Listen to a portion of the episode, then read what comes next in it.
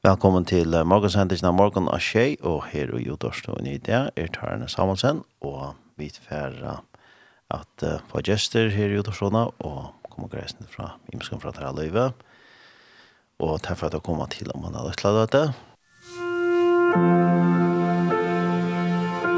Hetta er Kjei, Kristelig Kringvarp.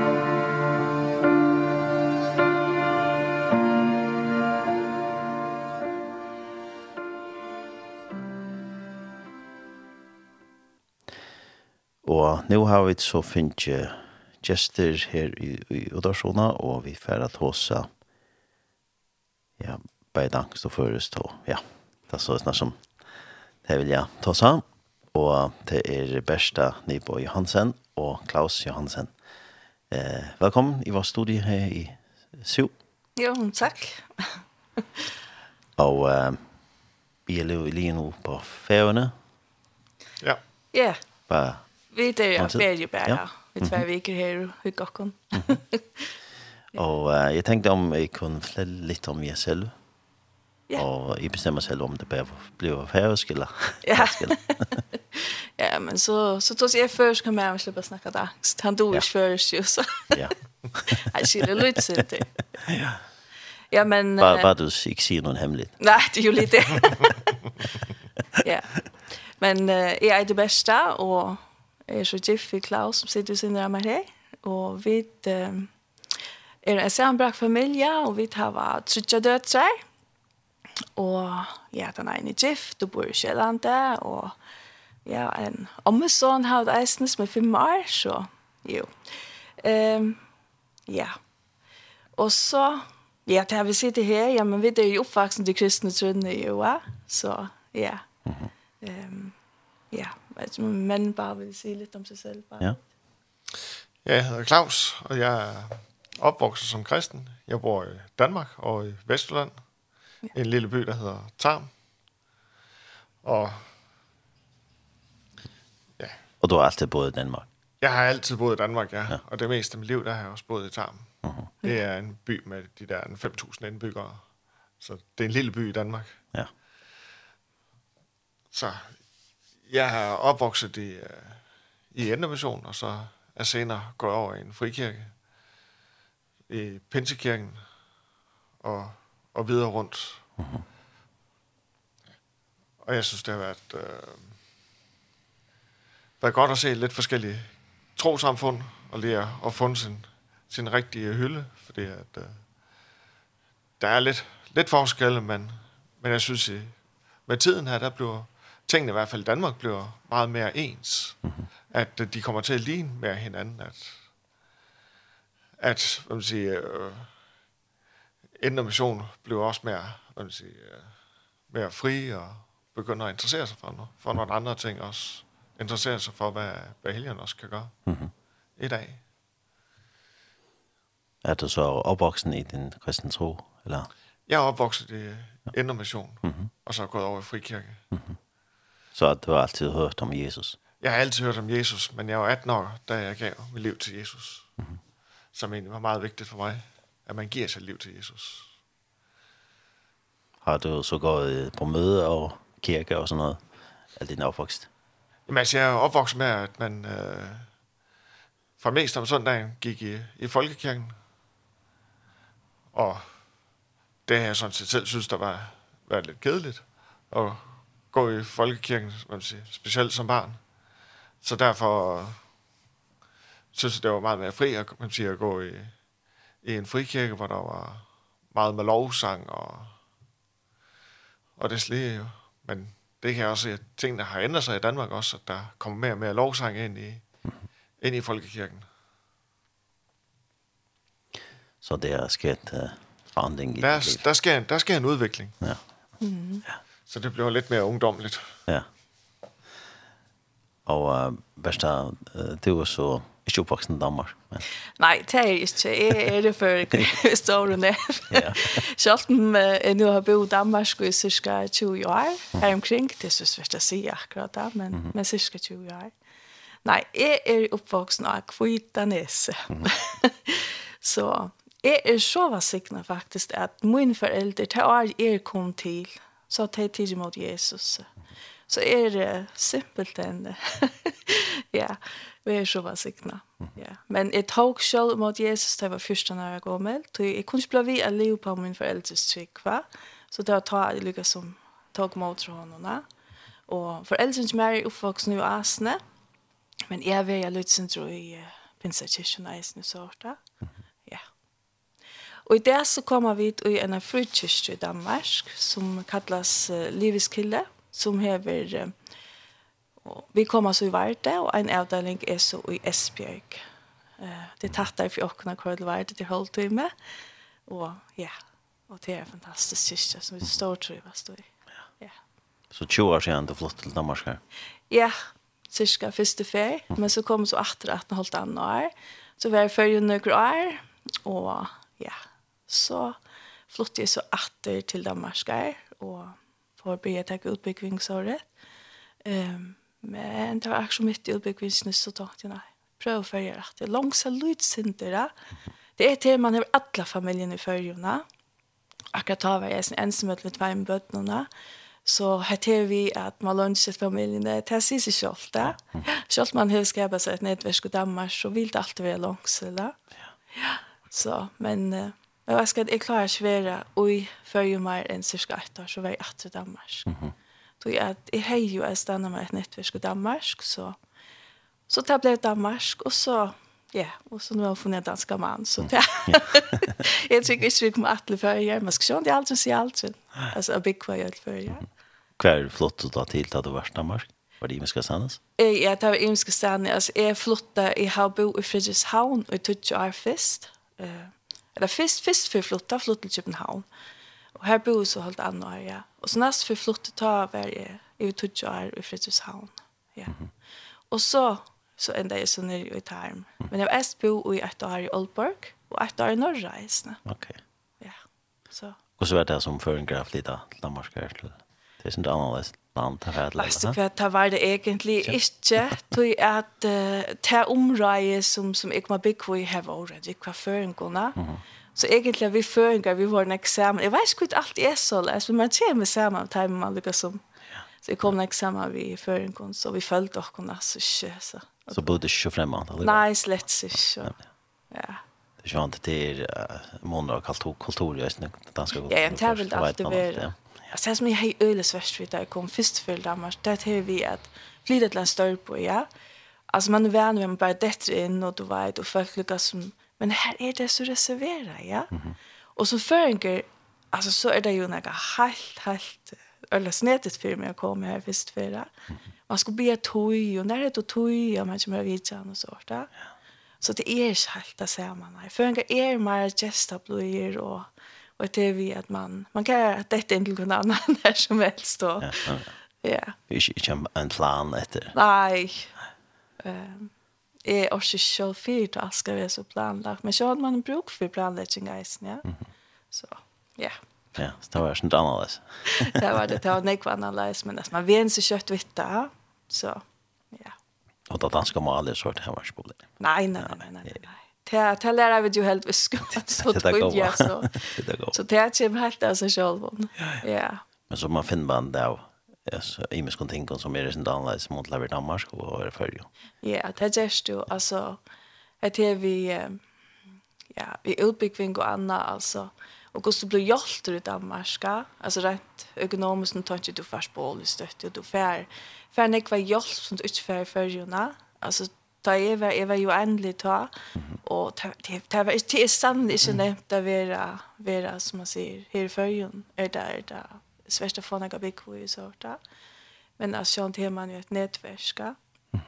Eh, du kan nästan inte när gott an till i förjun, men alltså i Danmark kan det du möjligheten på en annan mata. Mm. Så alltså ta kött med som en stort truva så att du manglar ju inte, du häver allt. Ja? Akkurat. Ja. Så Og eisen er vi at ta langsne vær her, altså så kan du jo bare rinja, og det kan er det så nett du bare vi kjøtter rinja, og så ser man kun annan. Mm. Det, er, det er jo fantastisk. Akkurat. Ja. Var det nekkoføringar som platt er samlast? Vet du om? Ja, jeg ser ta i boe i, i Fredrikshavna. Altså, vi kom jo i en kyrkju her, og bare i kyrkjene var vi flere førska familier. Um, og det er jo, altså, det är ju fantastiskt det var signa. Så för man sig inte helt ensam att planera. Nej, nej. Ja. nej. Och här som vi kommer nu ut i kyrkan här är vi ensamma att det en grej. en ånder annan först komna genkapat.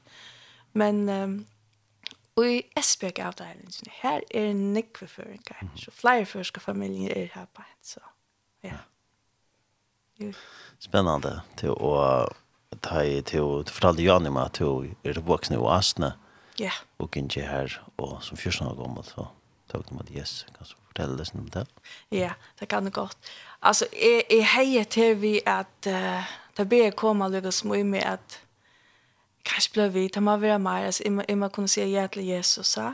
Og jeg minnes at ta høyde det som teltmøter og gøtveie, og, og jeg får, uh, sammen med foreldrene som er, vi var alltid her om sommeren, så, så minnes jeg bare en kveld til at, at jeg tenkte bare at, jeg skal, nu skal jeg frem til forbund. Du tar gjør et eller Jeg har hod til det. Jeg har hod til det. Jeg har hod til at jeg finner det. Jeg vil gjerne, jeg vil gjerne tatt det på Jesus. Og det blir jeg frem til frelse da. Og jeg får fast frem til frelse da. Så, så det tror jeg at jeg kan si til at ta hendene jeg med. Ja, så. Jo. Alltså jag är halde till att jag har haft långslinne länge tog ut. Jag ville gärna leva tatt Jesus, ja. Mm Och som onkel så så är det ju inte alltid det lättaste, visst du inte vill gå av viner och annat alltså. Jag vill sig det där som är snygg kristna men men i hej helvete när gå av vinkorna och och vi vi det fast stad vi gå av vi kunde det där det här och det har vi gjort mina ett sig upp efter resan att man häver on när man kan liksom med denna se att ja så jag har så läsa allt haft trunna upp efter eh men det tog som åt Jesse men så Jeg minns et tidspunkt om en løyve ta løyve var ordentlig i harst og sverst. Det var lukket som at ta ta vær lydsen lytt døk fra Jese, men kom kjøtt etter til klarsliv uten han. det er, det er så styrt, at du alltid har haft han tatt, så kan du ikke bare slippe. Det kan du bare ikke. Nei. Og det er at hva tid det blir frelst, det er at fylgjøs vi Jese, at velja nå. Ja. Ikke at fylgjøs vi Jese. Det kan jeg gjøre. Alltså det är vi kvönt att välja han till mm. den livande relationen vi han. Jag tror inte att det vi bara att alltså jag blev jag kommer möta med men jag vill eisen gärna jag vill eisen gärna uppleva Jesus alltså lov till Rusland att att ja jag kan gå all in vi honom va. Mm. Ikke bare, ikke bare noe som hender lenge kjenne. Nei, altså, det er noe du vel tilkvønt det, og sånn det er en prosess her du blir mer brennende i trunnet. Og du er nødt til at halda det til Guds år, og lesa Guds år, og, og jeg heilig anten åpenbærer jo skriftene for jokkene. Og det gjør det nesten for mer oppe etter årene, ja. Altså, så det er en lengre prosess, her man blir mer og mer uh, kjent vi Guds år reisende, og, og at det vi at, at livet tatt på Jesus, ja. Ja. Så. Ja, eh, jeg har alltid vært for at uh, lustet om sannsynlig tid til uh, av allt han sanger som hon får spela. Och vi får ta allt den första. Ja. og kanskje vi kunne ta den ner her står Jesus. Vi som han är Lockberg och Krista. Ja, Krista Lockberg, ja. og en rymlig nödvändig sanger som er blivit omsett til først. Ja. Det kommer ordentlig vel fra til det alltid. Fantastisk ja, sanger. Ja, det må man si, Helt sikkert. Vi får lust till sånt.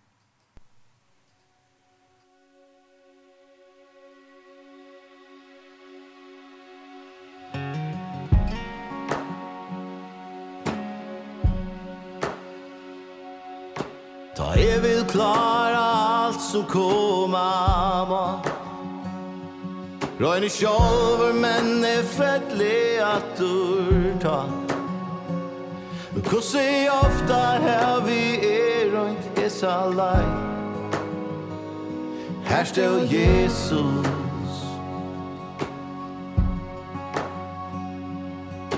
Ta alt er bygd inn i ræpa, yeah Atler munir vinir flutja vi fra meg Jeg kundi ikke sutja Jesus ta men Her stå Jesus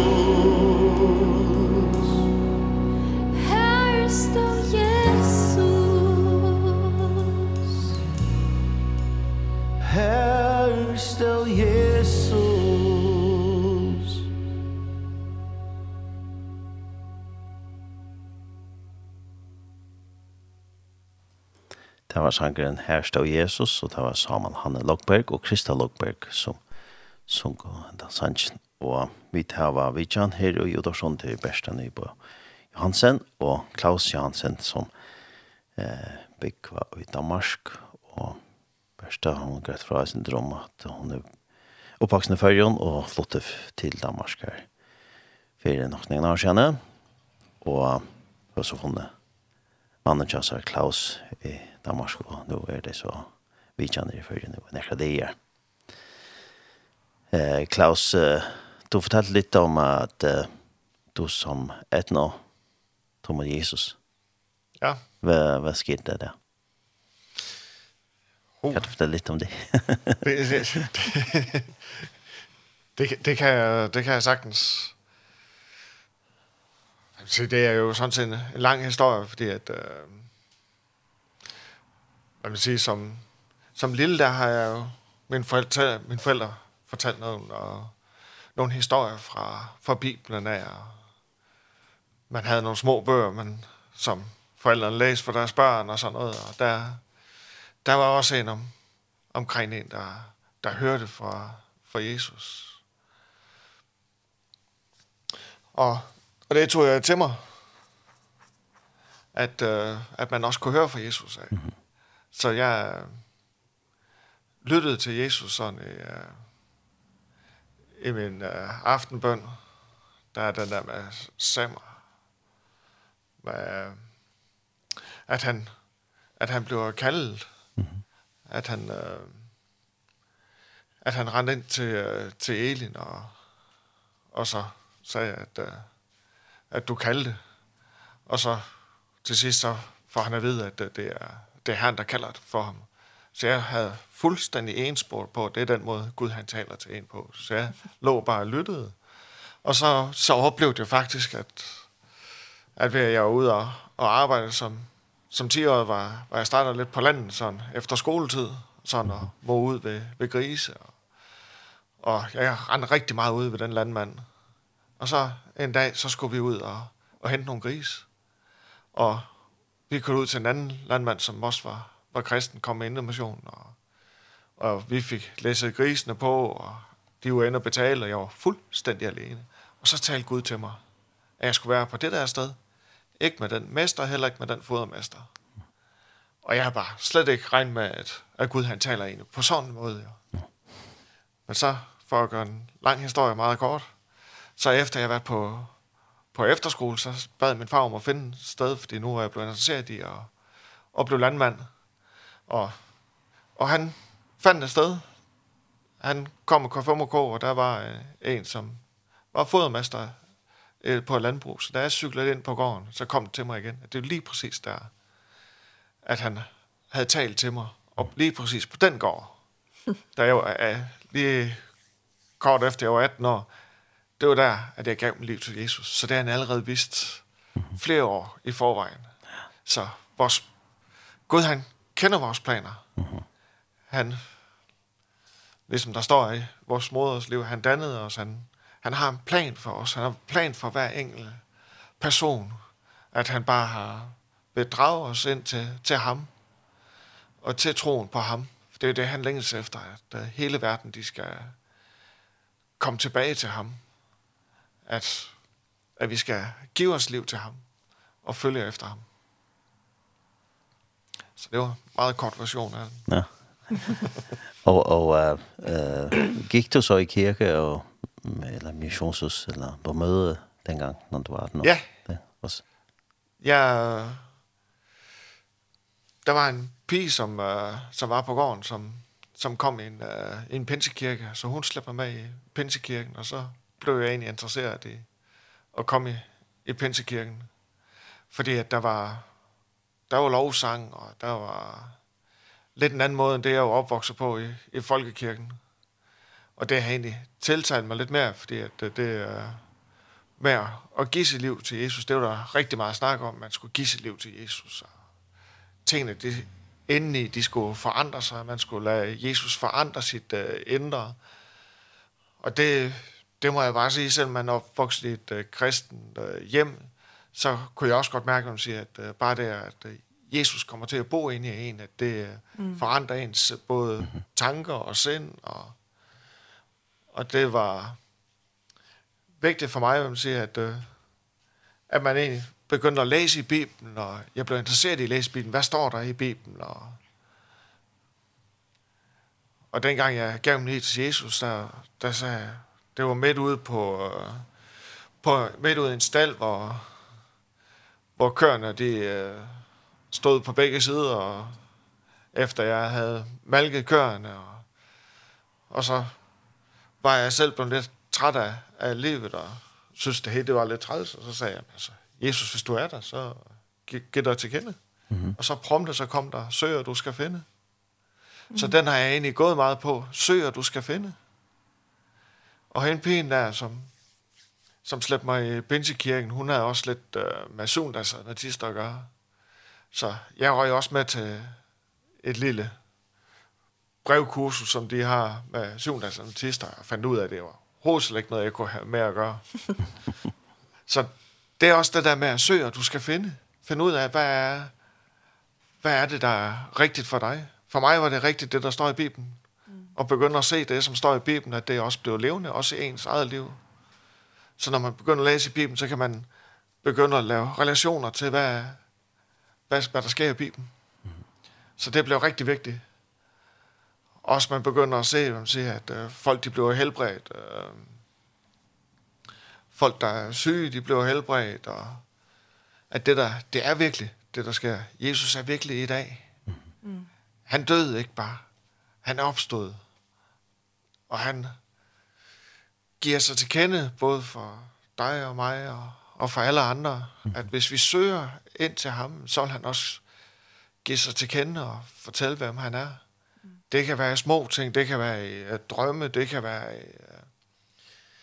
at han at der er en kammerat, der hvad vil sige, hvor man ikke har fortalt et eller andet, og så han går ind og så hjælper en, øh, hvad vil sige, Gud han bruger både mennesker og og det, det er vigtigt at se, hvad man siger også, at, øh, at Gud han hjælper en i både de små og de store ting. Mm. -hmm. Der er han med. Så han er en vigtig og han er en levende Gud. Mm. Så du, du, um, der sker der forandring i dit liv? Bare nogle sådan almindelige ting også i dit liv? At, uh, hvad Gud vil gøre i dit liv? Jamen altså, der, der skete mange forandringer. Ja. Hvem siger, jeg tror, jeg havde ligesom mange andre, hvem siger, der er gået en, en skole og sådan noget, og lært og bande og sådan noget. Lige pludselig så begyndte Helgen bare at tale til, at nu skulle jeg have ryddet op i mit liv. Mm -hmm. Så det med at bande og sådan noget, det, det skulle jeg lægge fra mig. Så jeg begyndte sådan at lytte til, hvad jeg siger. Mm. Hvad, hvad hjertet fylder, flyder munden over med. Så det er jo de ting, som man, man siger nu, når man oplevet nogle uvante situationer. Og jeg var stadigvæk i landbruget, og jeg synes der er til, at der var en eller anden ko, der trædede ind over tæerne. Dengang der havde jeg ikke sikkerhedsfodtøj på, så, så jeg begyndte at lytte til, hvad jeg egentlig fortæller nu, når at, ja. at man oplever de der ting, at det, at det æder og forbandelser, eller at det, så, så Helgen arbejder med en. Han begynder, man siger, det er en renselsesproces, det er en lang proces, der, der sker. Mm. Det er jo ikke bare sådan, når man giver sit liv til Jesus, så er man fuldstændig fri fra, fra alle ting. Det er en proces, som, som nok også sker hele livet igennem. At man bliver bearbejdet. Men det er heller ikke sådan, at, uh, at det hele er bare danse på roser, når man er blevet frelst. Men, Nej, men det er sker. ikke alt, som er på dansk på roser. man lige er almindelig som andre mennesker. Men, uh, fuldstændig. Ja. Men Gud, han, uh, han skal hjælpe os. Han skal hjælpe os, og han hjælper os. Ja. Så det är fantastiskt. Det går göra. Det var... Jamen altså, jeg har før blevet hjulpet rigtig meget. Men sige, jeg kan godt fortælle en, en beretning, hvor, hvor jeg, det er ved at være nogle år siden, hvor jeg skulle køre på arbejde. Der arbejder jeg stadigvæk på landet. Og det var toget. Det er noget, man kalder meget til på færgen også. Der, at der var tog, der var virkelig tog den morgen, og det var rigtig tidligt om morgenen. Og det var en faktisk en rimelig bred vej, hvor jeg så skulle køre. Og lige pludselig op ad en bakke, så kunne jeg bare se, at uh, der var en lastbil, der overhalte en, uh, en personbil. Så jeg nåede lige at tænke, hvad, hvad gør jeg nu? Og så kunne jeg bare mærke, at der i rettet, jeg holdt godt fast i rettet, at rettet det bare fuldstændig bare rykket sig til, uh, til højre side, ud langs grøften og så ind på den anden side. Og jeg tænkte bare, wow, hvad skete der lige der? Men det var simpelthen Gud, han greb ind, at det var simpelthen ikke tid til, at jeg skulle fra lige nu.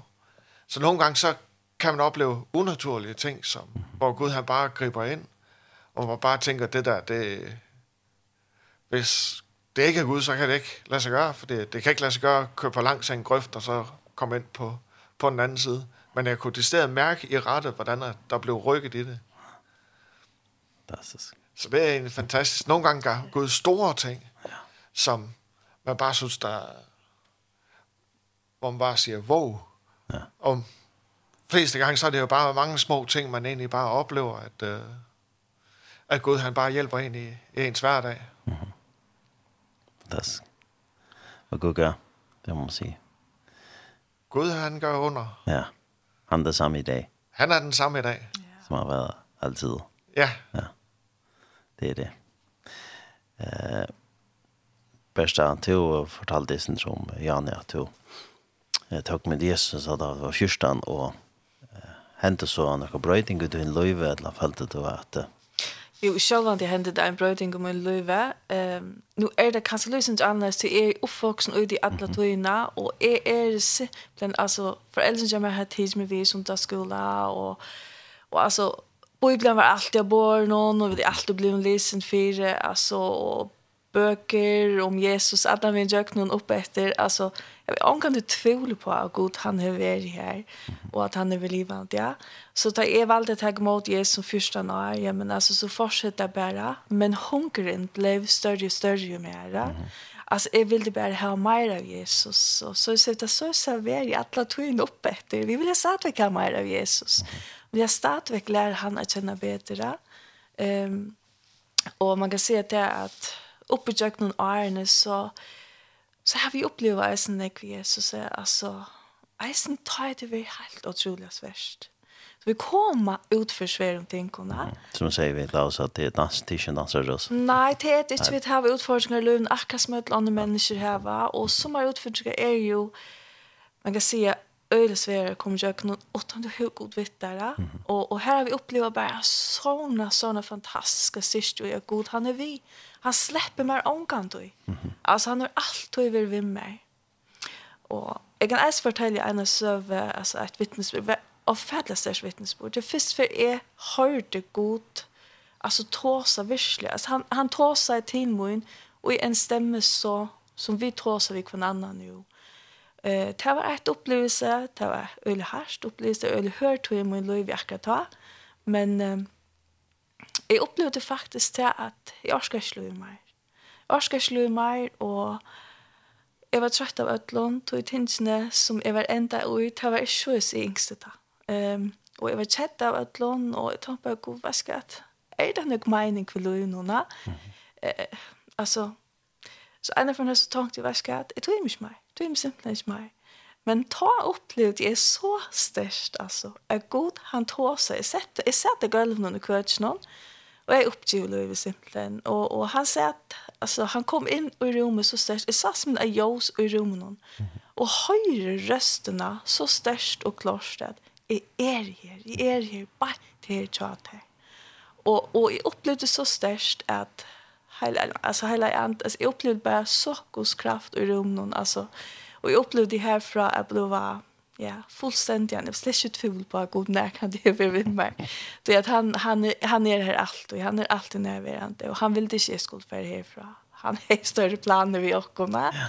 så så man kan se att att att att det vi är störst upplevelse här vi gode att höra hans röst så klart och tydligt och och jag ser till vi att Att han jag sitter här galen och kursen när löter så kim lilla döttern jammar inna.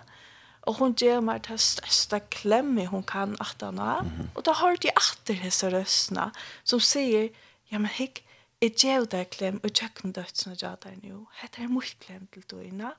Altså, og herfra hjalp jeg meg bare opp etter det, jeg reiste meg opp etter det, og, og løyve herfra, ja, men, alltså det blev lättare då att han var via. Så skalt ut hem svär ting någon här är han nästan och och det är viktigt att veta det att han han vill inte slippa och vi kunde också du kommer att slippa honom men men han släpper och allt allt och det är bara så tryggt att veta ja.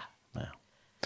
Som uh, det stendt så klart vill i, i som man tror ju skolt det i skogen ställe skolt där i det er jo helt ut i myskaste myska Ja. Så är han eisen i her. Så är han här. Eisen, han är alla stannes. Han ska alltid hjälpa kom. Ja. Og han kommer alltid in denne stövna här som vi tar för oss. Han vet akkurat. Och då är alltid att man ska rattla läkt och då och det är inte alltid till förstånda men men vi tar väl jag som näck upplevs med vi svär och kallar vi isne och här man ska och då är helt nere i dalen allena. Mm -hmm Men eisen i delen, det er ofte her god han dåsere. Altså, det er ofte her vi tar hva. Vi tar oppleva så størst ting. Alltså här får man nämligen som är och skir. Alltså drömmar, visioner och god han dåsare. Och och då är det her han hever okkon ensamhet. Altså utan alt stress og jag rundt om okkon. da. Det er ganske ofte snakk för andra förstörelser som Det er nemlig det. Det er nämligen det. ikke Det fra, fra, fra god. Det er nemlig det. Ja. Ja. Så. Fantastisk. Ja. Det må man si. Ja, jeg hadde vi for å en uh, sangatræt, og vi for prata prate mer. Og så er det den neste sangen, hva for en skulle takke? Ja. Skal vi til Simon Pedersen der. Han elsker meg. Ja. Ja. Vi takker Simon Pedersen, han elsker meg.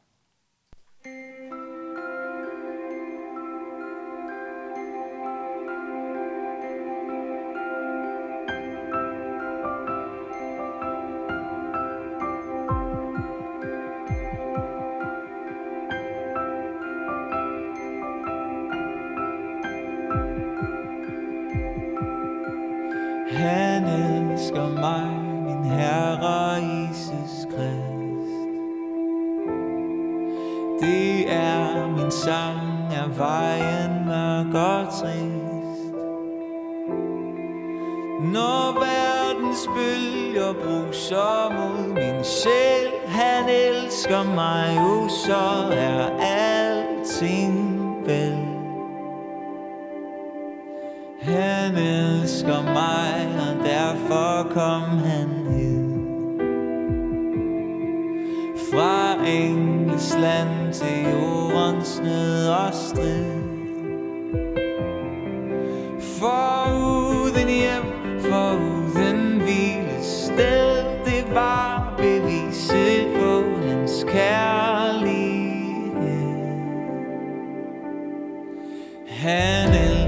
mig og i den mørke nat. I haven lå han ene og forladt. Hans sangestråb, hans bøn, hans blod og sved Det var beviset på hans kærlighed. Han elsker mig, det hænger korset om Der bar han verdens synd og straffedom.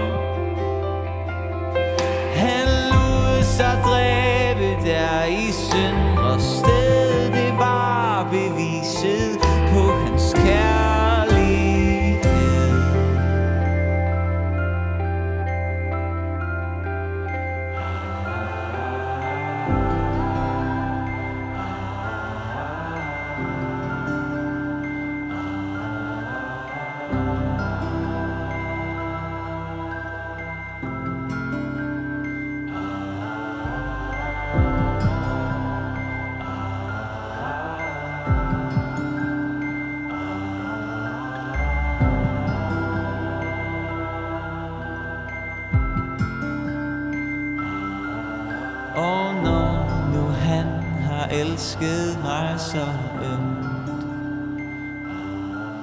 Og glemt min synd og hvad jeg har forsøgt.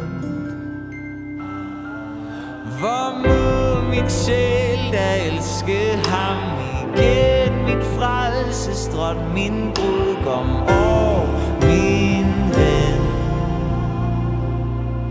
Jeg elsker ham, men tale om Det kan jeg ikke Synger kun hans pris. For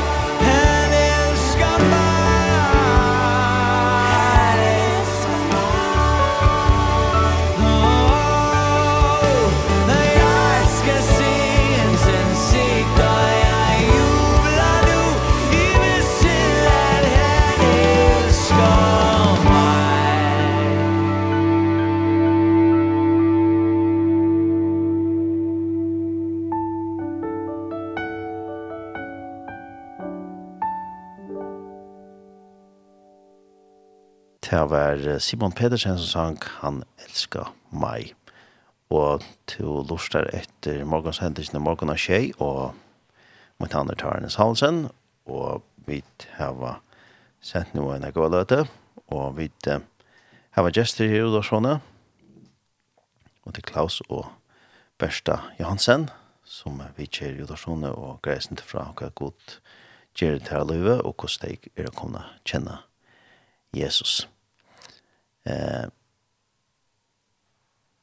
vi sier nå, fortell litt om eh, Bertha, hun fortalte at hun flyttet til Danmark, og jeg kjente ikke hinanden, og hun flyttet til Danmark, og hun bodde så i Danmark nå, og før jeg kom og kjenne hinanden. Hvordan er det sket, at jeg kom og kjenne hinanden? Skal jeg? ja, eh, nu er vi ensomme til nøkker år, og heja långslekt så finner man annan. Ehm det är ju så stort att det var som allt. Det är alltid bättre att vi är samman. Det är andra lene och ja. Kan ta det imst. Ja, helt säkert. Så jag har rött till god och är faktiskt några år god. Jag är den vant mig. Och själv vill det här han ska vara brännande kristen och, och, och älska familjerna. Ha? Ja. Och Tar man är kommer ju också alltid. så är det alltid så lätt att finna bara så. Så en kväll så satt jag faktiskt och chatte med.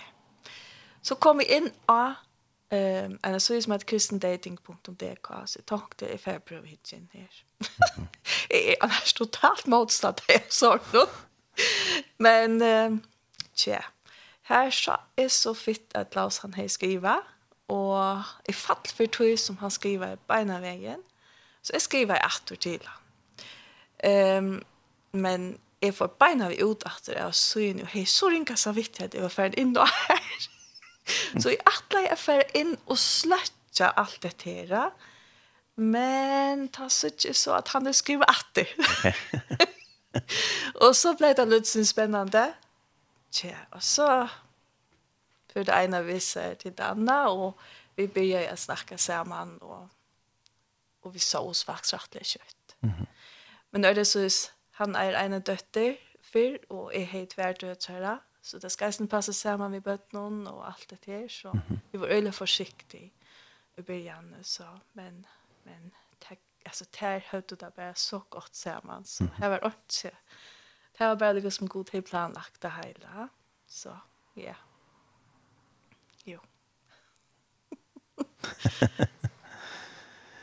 ja, og, og uh, uh, er det så mange år siden? Ja, altså, vi da vi er gift nu i uh, tjej år, mm -hmm. ja, og vi møtte hver en øren til, uh, ja, hva er det det må nesten være, nesten være nødt år så igjen, ja. 8-12 år siden du mer enn det, ja, her omkring. Mm -hmm. Men vi føler oss faktisk må vi ta kjent på en annan alt. Vi har ikke gjort så det är sammen. Så, så det blev det att, att sier vi på en annan at hold det opp. Det, det virker som det alltid har kjent på en annan. Mm. Ja. Men det som man kommer tapp på en annan där man är i en tjuna band. Ja. ja. ja. Så, jo. Det var sikna. Och klart sådan var det för dig att for forbindelsen til en färsk kvinna. Nej, men jeg synes, det, det er jo... At det, er, det er jo spændende land, Færøerne. Mm -hmm. Det er jo flot land. Første gang vi kommer op, så har min, den yngste der, at hun, øh, hun sad bare i bilen og bare kiggede ud fra, fra flyveren og så helt til, til Torshavn og bare slugte det som er og bare se bjergene, og alt var jo fuldstændig anderledes end Danmark. Flade Danmark jo. Ja. ja. ja. Så. Men kendte, så du, kendte du noget til færgerne før det? Nej, jeg kendte intet til færgerne før det. Du vidste næsten ikke, det var til. jo, okay. jeg har hørt om færgerne. jeg har lært lidt om, hvad der hører med til kongeriget. Ja. det danske ja. kongehus. Ja. Men jeg har aldrig været på Færøerne. Nej. Så det var en stor oplevelse at komme til Færøerne. Det er et meget smukt land. Så jeg kan godt forstå, at der er mange turister, der begynder at komme til Færøerne. Ja. For at opleve det. Mm -hmm. Og uh, at uh, den der, så som vi snakkede lige første gang, når Per der, uh, begyndte, at uh, den færske kultur og den danske kultur er den forskellige, tror du? Ja, der er nok lidt forskellige madkulturer. Men ja. ellers... I har jo lidt andre spise heroppe. Det begynder det begynder at smage godt. Jeg begynder godt at kan lide skærpe kød. Ja. så det, og går i færske trøjer. Og, og ja. trøjer, ja. ja. ja. ja her er det lidt koldere end Danmark. Ja. Det er lidt koldere, ja og vinden er litt kallere, altså. Det er det. Ja, det, der er nok lidt mere. Godt nok er der blæs på i Vestjylland, men, men færgen, de, de stikker nok af. Ja. Det blæser lidt mere heroppe. Ja. Så det er litt annerledes, det må man sige. Ja. Så det er noget anderledes, ja. ja. Vi kom jo fra Evitset ved Graton, altså. Akkurat han der vi kom hem, ta bare 25 minutter, haft dagen, når det er åren her, det var helt opp 22 grader. Alltså ta blev ju ordföring. Ta vill ju upp i kultan. Det får ni kvar att gå och halt ju. Man ska tacka för gott vi är med. ja. Vi kunde långt nära grader. ja, det kunde det säkert. ja. Ja, jeg har lige været i Europa, og, og der var der 42 grader oh. nogle steder, og ja. så tænkte jeg, hvorfor kan vi ikke få 10 grader fra dem? så går det her 32, det er. ja, selvfølgelig. ja. ja. Det ville være fint fint for os. Vi var ja. lige 10 grader. så ja, og så det, det er så i kendte en gang, så i kendte en anden omkring 8 år. Ja, ja. lidt mere end det. Ja. Lidt mere end det, ja. ja. ja. ja. Det har vi jo. Det har været velsignet år med mange pauser også. Ja. ja. og, og både så i forskellige steder i Danmark. Ja, dengang. det gjorde vi. Øhm, det tidspunktet jeg møtte Klaus, da bor vi faktisk i Aalborg. Her er akkurat var flott for at få arbeid. Det var ikke nok arbeid akkurat for Soundhouse. så jeg flott til Aalborg. Um, og jeg er utbygget en pedagog og fikk også arbeid her ta, men, men ja. Altså, jeg trives omgang til Aalborg. Aalborg. Det var sinnsvært å vite her til, så. Men så kom jeg så kjenne Klaus her, ja. Så Jeg nådde bare bygge i Aalborg i ett år. Så flyttet vi til Time. Her er flyttet jeg nå i bo, um, bare ved siden av foreldrene til hånden. Her flyttet jeg og døtten. Um, og det er simpelthen for at lære døtrene at lykkes som at en nødvendig gjerne der er av er her vi Er sammen som familie alt og ja. Det er åren at vi, altså, at vi at vi er langt distance forhold distansförhåll så det var längt veck från kvarnören kvarf när vi skulle suttas där. Så vi sa oss bär i weekend någon ångte inte en gång förra weekend där. Och så plötsligt skulle vi se man kvänt det här. Så så skulle jag vänja och det tar tid ju. Så men det är jäkligt på det är så. Och så så så typ vi inte mer så var ju allt samman vi kunde lyckas gott gifta och alltså. Ja. Så. Ja. Och det er inte det jag går så tror jag spötterna vid helt sikkert. Altså, det ja. altså, vi tar var jo um, altså, bøtt som som kräver lutsen till mig vi og Uh, og at det er vi at, at nutch person som in i livet nutch ting sker så det skulle lykke til den neste sintra. Mm -hmm. Så det er, det det har det klarat godt. Mm -hmm. Så ja. ja. Ja. Så det er fantastisk at, at Gud har gjort det så vad jag Helt sikkert. Det er frier og helt sikkert bare. Vi dødde sånn fri vi ødlån, så ja, visste bare at jeg skulle være vidt. Og, ja. ja. Og så giftet jeg Var det i din hjemby? Ja, vi, øh, vi giftede os. Øh, først så var vi på Rådhus, og bagefter var i en kirken og få, få velsignelse. Ja. Vi kom i en mindre kirke, hvor man hvor præsten ikke havde myndighed til at, at vi. Så det, det var det mest praktiske, og, og at det foregik på den måde jo. Og så kunne vi jo flytte sammen jo, mm -hmm. når vi blev gift. Så det er jo noget, som vi har egentlig har givet videre til vores, øh, til vores barn. at man, man venter med sådan at flytte sammen, til man er, man er blevet gift. Mm -hmm. Og det, Vi har selv en datter, der skal giftes til næste sommer. Så, så hans kæreste har, har købt en nedlagt uh, landejendom, og så skal de have den fuldstændig renoveret mm -hmm. til, til næste år. Så det går de og pusler med, så de bor også hver for sig, og så mm -hmm. har et projekt med at skal have en, have en gård renoveret der til at, at flytte ind i her til næste sommer. Mm -hmm. Så... So, uh då där valde jag att nu ska i så vara sammen och eh følges med Gud sammen. Ja, helt sikkert altså. Vi er brændende sammen begge to altså. Men der skete sådan set noget ehm man kan sige cirka, jeg var det seks år siden der omkring tror jeg. Ja. Eh vi fik jo også øh, jeg blev jo gravid. Og vi, øh, vi skulle have et barn sammen jo.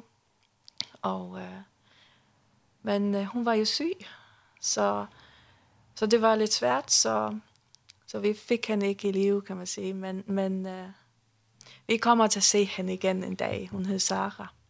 Men inden den her krise, vi mødte her, så havde vi faktisk i et stykke tid råbt til Gud og søgt ham og bedt sammen med et godt vennepar – åh oh, Gud, vi vil gerne mere med dig. Vi vil gerne se flere ting ske, og vi vil se mirakler, vi vil gerne være med til at bede til frelse med mennesker, og vi vil, vi vil bare opleve mere af Jesus. Og vi bad virkelig, virkelig intens sammen med det her par i et stykke tid. Og så oplever vi så den her krise, hvor vi kommer fuldstændig ned, men samtidig så oplever vi en fred, mens vi går igennem det. At Gud er med, og vi bliver bort på bønne, vinger, som man siger. Mm -hmm. Ja. Nu snackar jag bara dags. Ja, det är väl. Ja. Eh, men, men det som är det att, att efter hessa krisna så upplever vi så näkve naturlig anledning här människor kommer till oss. Och förlåtla dela Jesus vi människor. Ja och bara en alltså en kollega som kom och alltså hon ser kan mata vera fantastisk ja det er og tikkun at ditt eier trunna at det visshet om er sjøs at tid det suttjast atter i himmelen er ikke også sier hun og så fikk jeg lov til å deila trunna vi henne og deila Jesus vi henne og så hadde vi et opplevelse Klausen altså Vi gikk til psykolog at han tog vi tøtt svers for kommunikasjon i 18 år, vi tøtt mist. Um, Men det enda vi at psykologen hun fikk Jesus altså det at vi kunne slett släcka stille, altså det var ikke som, nu nu nu må vi bare fortelle mer om Jesus altså, og det er underligt du tjøk noen denne kris ja mm. men var her vi ble det som ordla mer brennende utrunne ja så det är Herfra er det bare for spennende for dere, samtidig som det er utfordringer til å slippe ut fra, men, men god er vi alltid, og hele anden, han leier dere i gjerne stedene. Mm -hmm. Så fantastisk. Ja. Men god gør. Eh.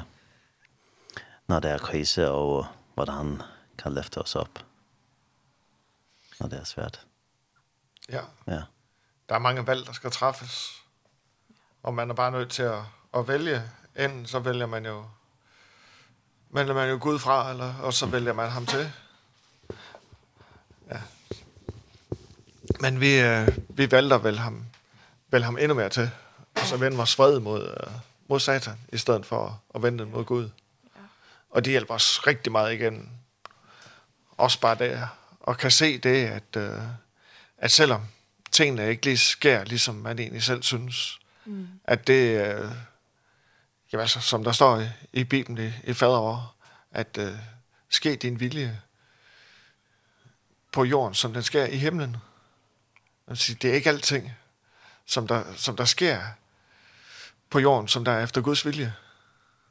Og det, det var vigtigt for os også at se, man siger, at, at alting sker ikke efter Guds vilje. Altså, vi lever ikke en skæbne, en skæbne tro. Vi lever efter nogle valg. Vi har hele tiden, igennem, hele livet igennem har vi valg. Vi kan vælge til, og vi kan vælge fra. Det er det, Gud han har givet os. Han har givet os en fri vilje. Mm. En fri vilje til, at vi kan vælge ham fra, og vi kan vælge ham til. Og det, det må vi bare sige, jamen, altså, og vi valgte ham, valgte ham til, og, og havde bare den der længst efter bare blev mere og mere brændende. Og, og ikke nok med, at man siger, at vi mistede et barn, og så kort tid efter, at uh, Bertha, hun kom på, på arbejde, så, så var der en ny leder, og hun røg ned med, med stress og mistede ja, altså, hendes jeg, arbejde. Jeg røg ned med stress, ja. Ja, ja. du var fortsat er du passer røg ned med, med stress. Og det gav bare en, en helt ny mulighed. Selvom tingene egentlig så ud til at falde fra hinanden, så gav det en mulighed for, at, at tingene de kan blive, blive anderledes. At der kan begynde at, blive, at ske nogle nye ting. Nu, det er ikke altid, vi selv er med til at hvad man siger, træffe beslutninger om et nyt kapitel i et, et eget liv det kan også være, at omstændighederne er med til at træffe, at uh, nu, nu skal det til at ske noget andet. Mm. Men derfor kan man stadigvæk have, have Jesus med og, og faktisk være mere brændende, og så giver, åbner det bare, der er nogle døre, der er blevet lukket, og så åbner det så bare nye muligheder.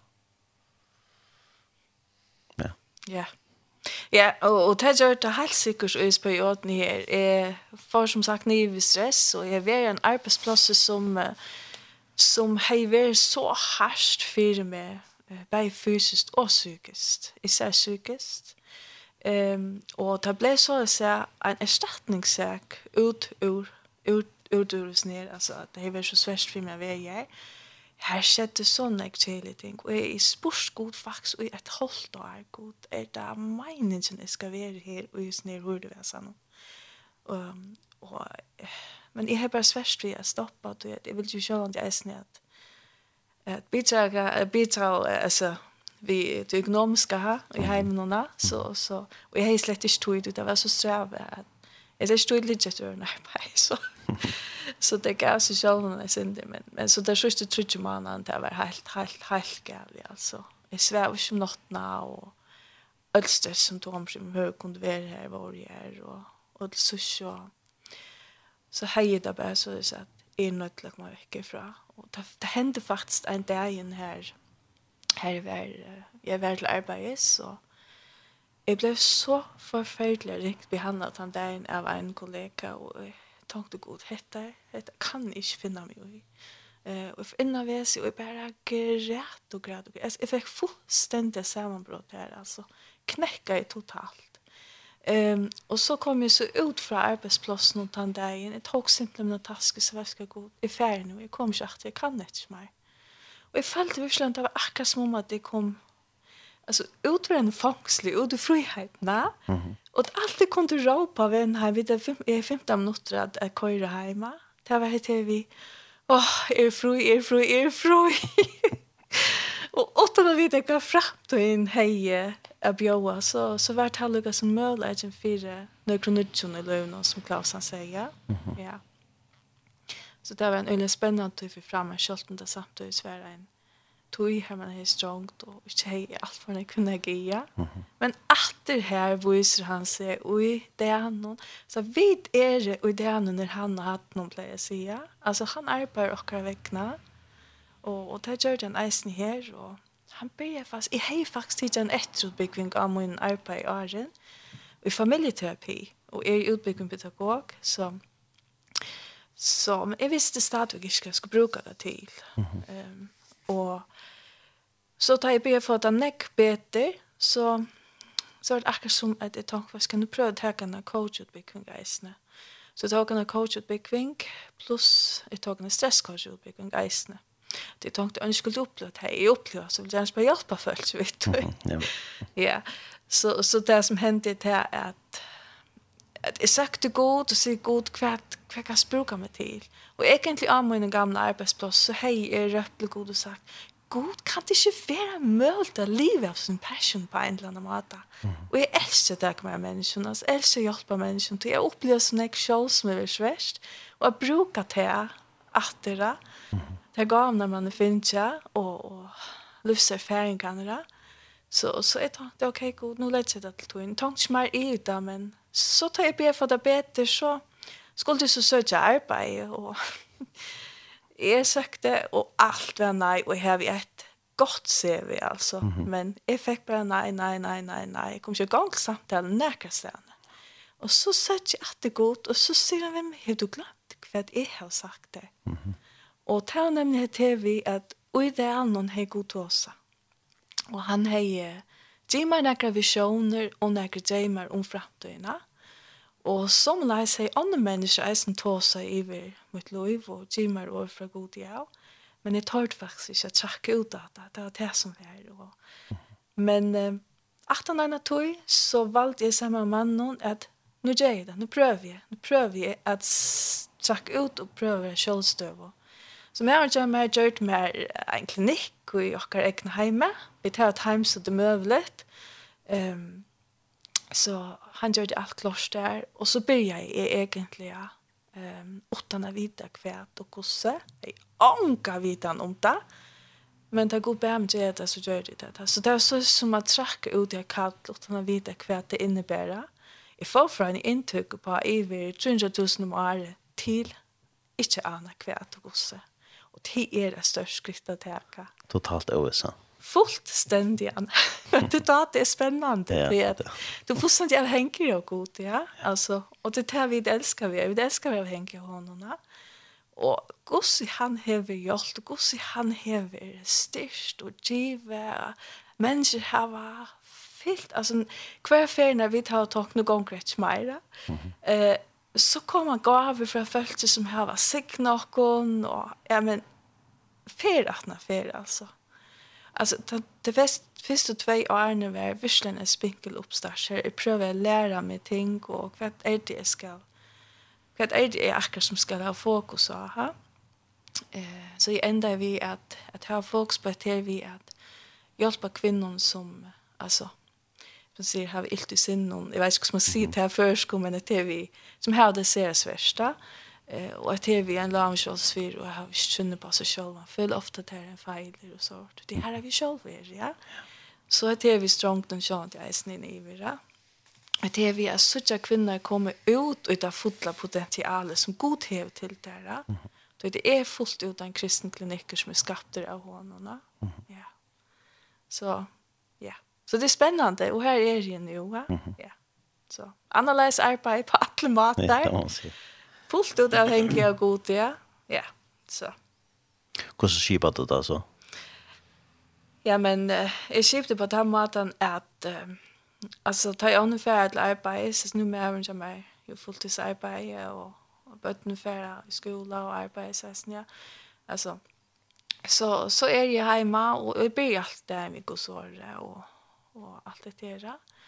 Altså, jeg har ikke, jeg er ikke en normal klinikk på den måten at, ok, fra 8 til 4 så, så har vi kunder slett ikke på den måten. Det er, um, det er dier her til å komme onkel kunder, men jeg har ikke marsjene først med enn og det har alltid vært det her forferdeligste for meg, altså å komme ut og bli kjent og vise ansiktet, Men Gud har brukat det på sin mat och lycka vad han lär mig er i kan nu och så att är något att, att bliva mera könlig för jag är få att kunna en god han inte Men alltså han är på helt på sin egna matar och här fyra faktiskt i november månad och i, i 2021 Det har ju bestilt billett till färger och har glätt mig ett helt år att komma till färger. Mm.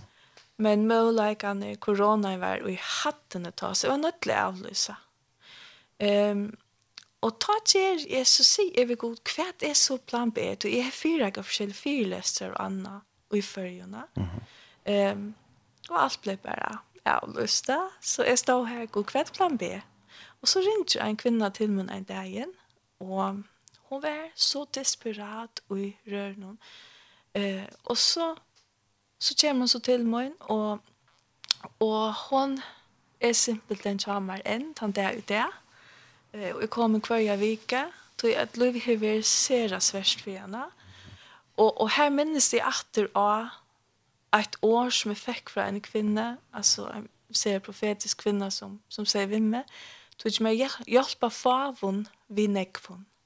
Och och det sitter fast ett till mera att det är som är kliniker, alltså är det jeg Elias av gode og, og heliga andan det er viktig for meg. så ja. Så egentlig hvor jeg er helt og sånn, att det det fast vi kristne kvinner som har vært. det er ikke ens betyr at vi at jeg ikke vil ha ikke kristne, att jag vill mer enn gjerne. men mot att mine vi blir bygd på at jeg är arbete utfra utfra det kristna vi nu ja. Og så bare så jag så nu förvandla den där kvinnorna ja. Og så nå nu jeg vi har vi her i jar fick så på fra från är kvinne som att bara för att visa hur god han gör. Um, som, som har prövat varje är terapeuter hon fann inte i det att vara. Alltså hon kom inte till jag vill ni inte som hon är kristen mm. det, det matchar bara inte. Nej. Så så det är fantastiskt att kunna vara i snö på den maten bara. Så jag skot han viskar ja. Ja. Fantastiskt. Ja. Yeah. ja. Eh, ja, men jag tror vi ska uh, ta in sang med. Får vi snacka lite mer? Ja, vi tar en her som heter Her, giv mig dine øjne. Og i halvt han er så sier svenskon, eller norskon, jeg är ikke ordentlig sikker, men, men tid som lusta, lusta etter teksten og i snedskjensen, det er sera sterske tekster.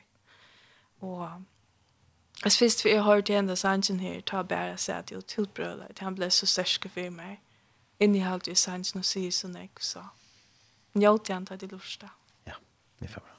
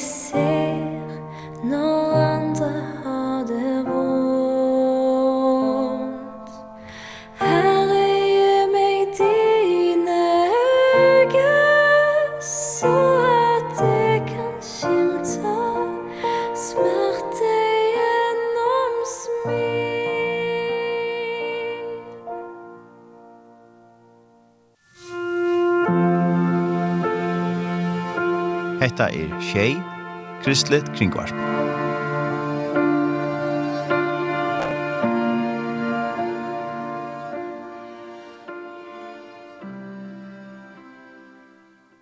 Jeg var da en sanger som kallast Hagi mai dine øyne. Jeg stendt ikke hvor synker, men det var så en sanker som Berste valgt. Og vi tar Børste Nybo Hansen og Klaus Hansen som gjester her, og til som lorsta, hvis de tar var ganske en halsan, eller vi mersing, eller akkurst, ganske en spurning, samband i det som vi vil prate om i sendingen i dag, så er du velkommen å sende dere et sms av Kjeltrush, Kjelfjers, Kjelfjers, er sms-nummer til Håkon. Kjeltrush, Kjelfjers, Kjelfjers, velkommen til det.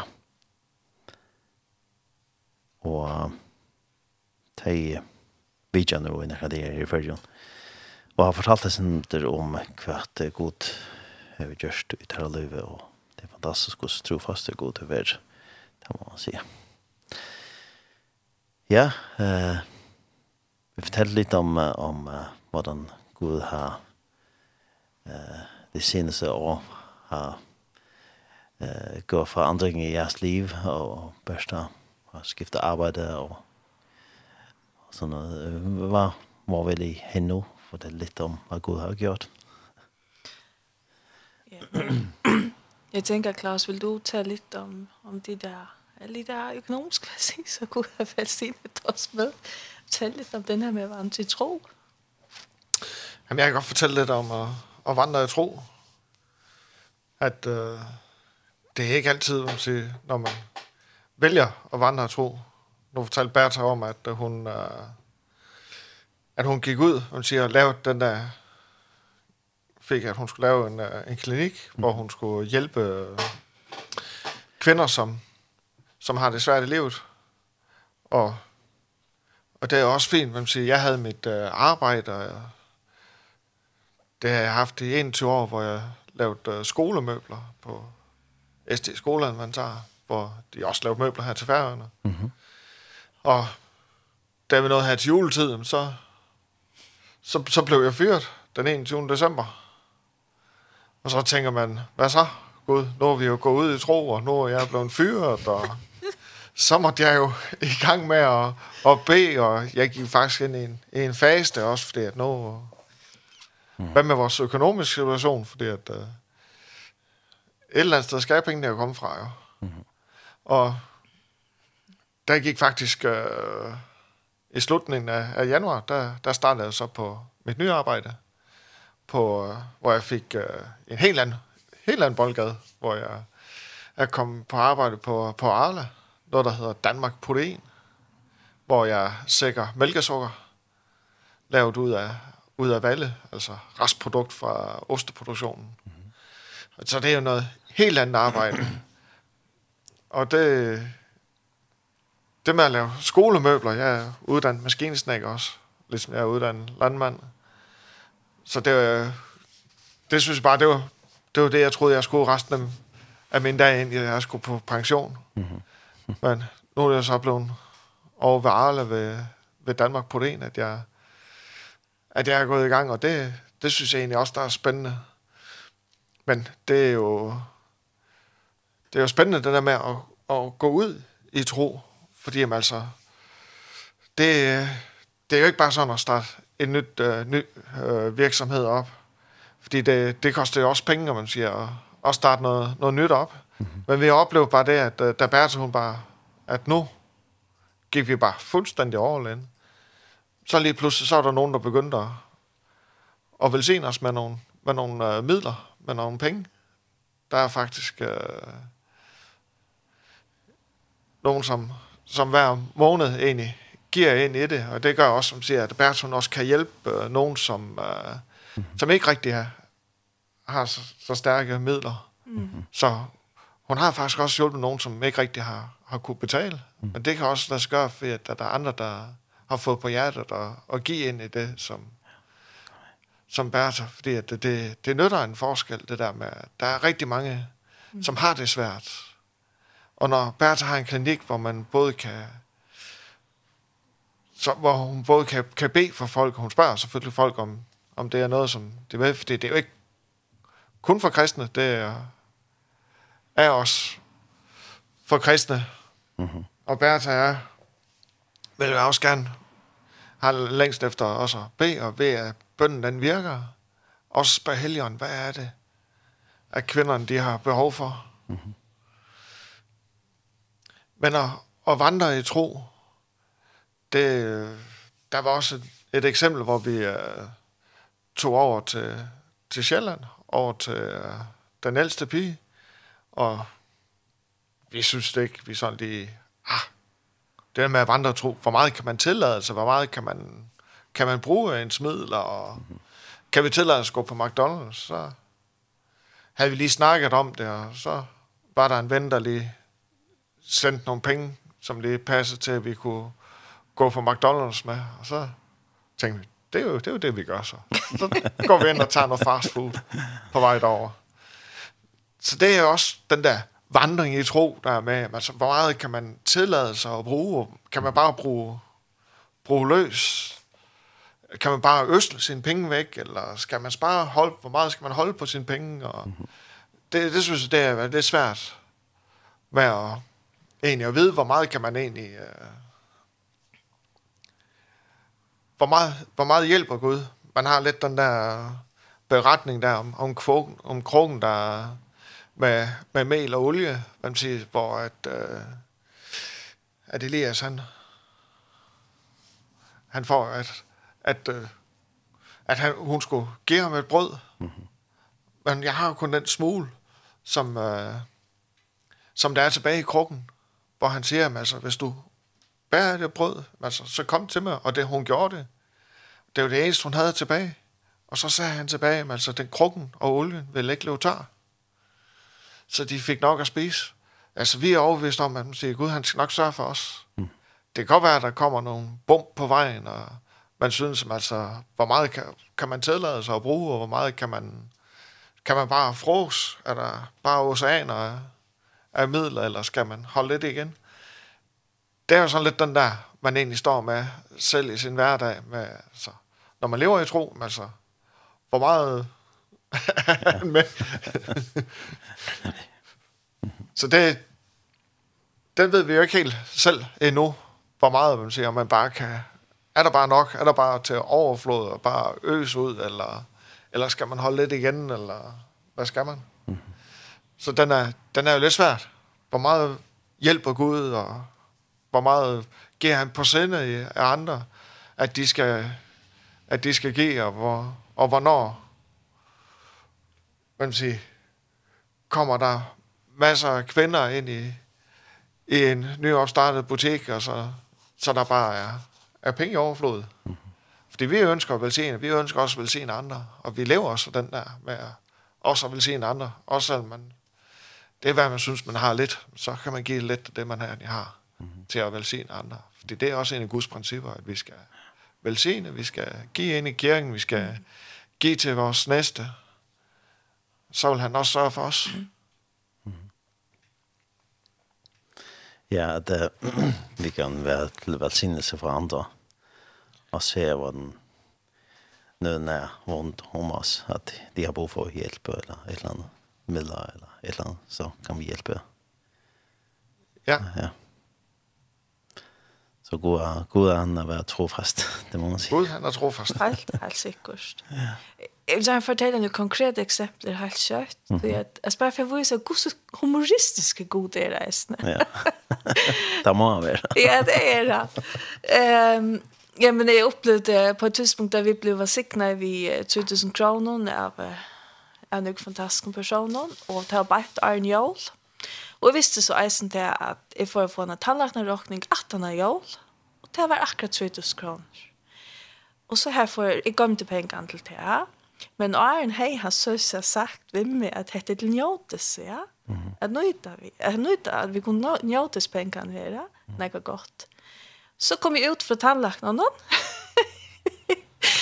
og så vet jeg hvor, men så hittet jeg kontoene, Og ta var den, så har en kvinna sett 3000 kroner. Ja. Og så sier Gud, altså du er godt nok humoristisk. Ja, men jeg sier det at det njøtes. Altså, så, så sier Gud da. Altså, og, og så er halt det, det er halt det er, det er bare spennende, men det er eisende, som Klausen sier, det er vi kvørsta, altså, men, men Gud han er trofast alt og ja, alt og. Mm -hmm. Og eisende en erfurt har vi det, uh, bare opp til jól og i sørste år, i november måned, ta, skulle vi så bruka akkurat föringra ska vi det och så att det finns ju så crow på för mannen, och så vi får jag sted av Black Friday och til eisen här ofta en gaver är på tilbud vad jag gaver så där så vi det är vi skulle jag sted, och vi skulle läsa för köpt alla jolagaver då va ehm så Klaus han kickar så av konten är jag säger Nå, sier han. Dette forstand til ordentlig så var det en mer som hadde sendt 2000 kronor innan Fullstendig og vilt främmande med över Och, och, och vi tenkte bara, vad skjer her god da? Men alltså så är det livet vi har honom. Och til så är over som efterfyllsent er blevet en av våra fasta djävarna. Alltså, jeg må ærlig innrømme det, og du så, så blir man så överraskad ved positivt og god. altså, god, god, skjer du etter god, altså, god, Men her gjør det, Alla samna tøyna og så hadde opplevd han ved trofast det. Og ja, det er ikke alltid lett, men, men god er vi, alltid. Mm -hmm. Og jeg håper det går et oppmuntring til åkrene her ute, altså, til at det er jo tøyne, det er her alt blir dyrere. Jeg synes Danmark, altså, det er jo fullstendig crazy, jeg kjøper mat bare, altså, bensinpris, oljepris, altså, alt er jo oppe i toppa. Og så tar man alltid, alltså, man kan gå få den här, men att han har vilket ta man kika sig att det är allt och skot vi jag vi. Så tog mig tog mig sint där jag var ute så stora. Törs brukar tog in på att jag vet att god texter är och allt. Så så det är så vad kan ni är en stor det är jag ser att det är stor men men det är vi har sutt att dra god han ner allt ja. Så så det är det är fantastiskt alltså. Det är så naturligt att att stora till det ligger bara inte lagra bara att vara stora. För det som mer men men uh, som Jesus säger var det där ska stå för själva. Jag kommer inte ihåg hur stora fyrt han ska sitta för oss. kan. Ja, han tar också stora nu ju. Men vi tar det så snart till uppåt det. Ja. Det är vi det går till ofta som människor tar det uppåt. Självt mitt här var lagt där i till han. Ja. akkurat. Men det är en process att lära det. Ja. ja. Men jag vet inte att stå ju där lyftet det är ofta ringt. Det är det. det Tracka ut och för goda syrja firmer. Eller för sig för jag. Ja. Morgon där eller nästa vecka eller nästa månad. Men han är trofast. Ja. Och ofta är det vitt människor som begränsar han faktiskt. Alltså, det är vi är självgjörs nekv. Alltså, kan detta nog leta sig göra nej och då vet jag men men att lära till att jag slipper bara lärt han ta givet. Mm. Så ja. Men som det har fortalt att uh, att uh, Gud har varit med ja. Han har han har varit trofast. Alltid. Han, han har givet sin löfte och ja. Och det är sent som han säger det må man si. Mm. alltid. Han er den samma i dag som alltid. Ja, amen. Ja.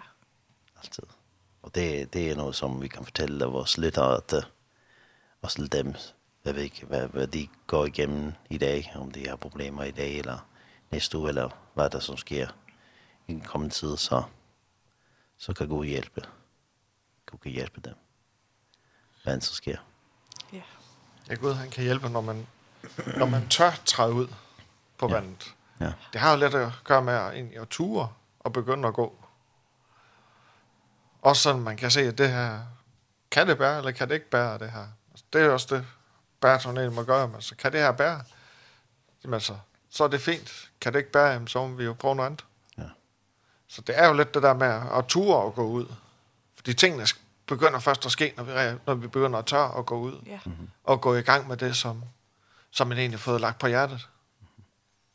Så det er også vigtigt, man siger, som, at når man hører det her, man siger bare at ture og gå ud på, på det, som, som man egentlig har fået på hjertet. Prøv mm. det af. Mm. Er det noget, det kan bære, eller kan det ikke bære? Mm. Hvad sker der, hvis det ikke kan bære? Altså, så må man jo bare prøve en anden vej. Jo. Prøv at stole på Gud. Ja. Prøv at stole på Gud. Ja. Alltså som en en en som häver ju jockar ja, så vid uh, vid här var vi det lejer för en sån där. Vad ska man kalla det först men connect grupp cellgrupp cellgrupp eller ja. husbulke eller så. Ja, husbulke till snäckna. Ja. Eh här är en kommun i och grupp i Isne och ja, fast kom jag här hem i över två år. Isne ute i grupperna har vi där medvandrare vi honom. Mm Og, og han, han er bare, livet bare Jesus er fullt ut i utgiven opplevelse, sånn er Jesus, ja. Men vi har ofta hørt han sier det her. Han opplever sånn er Jesus, vi har ofta undrukning, hvor opplever han sånn er Jesus, ja. Men som han sier, hva skal jeg? Jeg valgte å trekke ut av vattnet. Og akkurat som Klausen sier, ta er du ikke gjør, altså, det skjer ikke nækka ta, men det du vel, veler, hever det valget at du gjør det.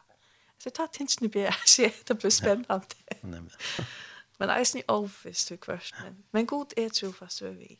Ja, så. Ja, vi er ikke noen roboter. Vi, vi har vel. Vi skal velge selv. Vi skal velge. Vi har velge en fri vilje. Ja. ja. Velge om vi vil ståle på Gud. Velge hva vi kan gjøre. Vi gør mange, mange valg hver dag. Det gør vi. Alt, alting som vi velger hvilken tøj skal vi tage på, hvad skal vi spise, og hvad skal vi... det er masser af valg, vi dør. Hvad er det. Og ja. prøve at vælge Gud og stole på ham. Ja. ja. Altså, så stand så klart og tydeligt i Bibelen, ja, at um, det er Marskos 16, 15, at fær ut i alla verna og bo med. Ja? Mm -hmm. Alltså, men ut i alla verna kan eisen skiljas på ta matan, at her som du er, du er jo så salt for han. Og det kan nesten være svært for kvørste færa. Kanskje ut ur ens egne komfortzone, og skulle gjøre noe for han og mm -hmm. Men vi tar bare oppleve mer av det vi gjør det. Mer naturligt blir det. Ja. At livet så løser. Alltså helt stort kan Luca fortälja att en av dem så så alltså det var akkurat tatuina vid långtest ordna gett mer av Jesus ja och mer in i branden Jesus. Ta kom i kontakt med en ordlig och vinkone. Mm hon är sån som förordar götna, alltså gäll evangelisationer. Och, och, och här upplever hon alltid att komma och snacka med sådana människor. Och jag bara brukar för oss som trots upplyftande, alltså att jag fick låta suttja några ting sig. Så hon fick locka mig vid en dag. Och jag blev biten av att det var vi i ett halvt år, men så kom det sms att det var inte det jeg skulle bruke tog inn på. Men første ferien her, jeg var ute ved henne, det gjør det nok, og mer til at Vi var fyra så var jag stä. Vi gäng alltid två i två. Och akkurat tanddagen, det har bänt upp till jul, det var 22 december. Eh, ta stand av utanför, åttanfyr, jag minns inte om det var kvicklig eller vad det var födex, men stand utanför här. Och plötsligt var det trutja väx med stålsamma vi. Och jag var bara ta sig vid henne gående. Och jag tänkte, kvar är det, kvar är det, kvar är det fram här nu. Och så fullständigt ensam att lära. Men eh, jag var bara ta sig vid gående och och du vet alltså man spyr ofta när du illnäger sin kropp någon alltså Så jeg spurte henne om hun har gilt nærkast henne, og hun ber jeg fortelle om tutsstøyel og så her. Nå er det takk til, jeg stod ensam ved veien, ja. Så jeg fikk virkelig trygg hver, jeg måtte standa opp på lyften, jeg kunne ikke rønne vekk, det var ikke mulig. så jeg ber for jeg sier gående, og at henne så stille hun, altså, og faktisk stilla sig hoppa mitt här på parkeringsplats någon. Men hur gör du det här? Jag säger, jag gör det inte. Det är god. God som gör det här för det. Så ta sig bara frälse påskapen vi henne och fick låta dejla Jesus i henne. Alltså men det är gammalt skick. Mm. Uh, att håra, att tracka ut det. Och då blev vi lika som slångt ut ut det. och det blev så så här men med god hand trofast det. Ja. Så. Men du har ringt att att gjøre det her. Eller ta strakk ut av lyft. det er rikt, det är säkert. Men, men som sagt, altså, tar man ger det så er han vi, ja. Ja. Så man så ser jag glömmer at han har fyrt. Ja, det är man. Det er akkurat som, man blir signalad det. Jeg tar det, jeg gjør det där. Så om man får smaka trygg selv, man vekster i trunne selv, ja. Og det är fast mulig, det gjør det, litt, ja. Ja. Jeg ser rett og jag grøyngar ut i gøtene, og finns ju så nekv gosnok mennesker ut, ja. Ehm um, och det er det er vilt spännande. Mm -hmm. Ja. Fantastiskt. Ja. Men det er vi ikke, alltså er ikke det går langt på tammatan, men tema er naturlig anledning mm -hmm. det er annars. Eh Jeg har stadig kontakt vi har så her fantastiske kvinna og vi tar en bönagrupp sammen nu hos där fyra. Mm -hmm. Her vet er fyra i bönagruppen som vi blir be samman nämligen om ta ett tärfär ut av götna som är vi i så gruppen ja. Och så kan snart åtta för böns där för mm -hmm. ja det är eisen viktigt ja ja tiden den går meget hurtigt det må man sige. er der ellers noget andet, som vi fortäller om hvad Gud har gjort? Har du noget, du vil afslutte med?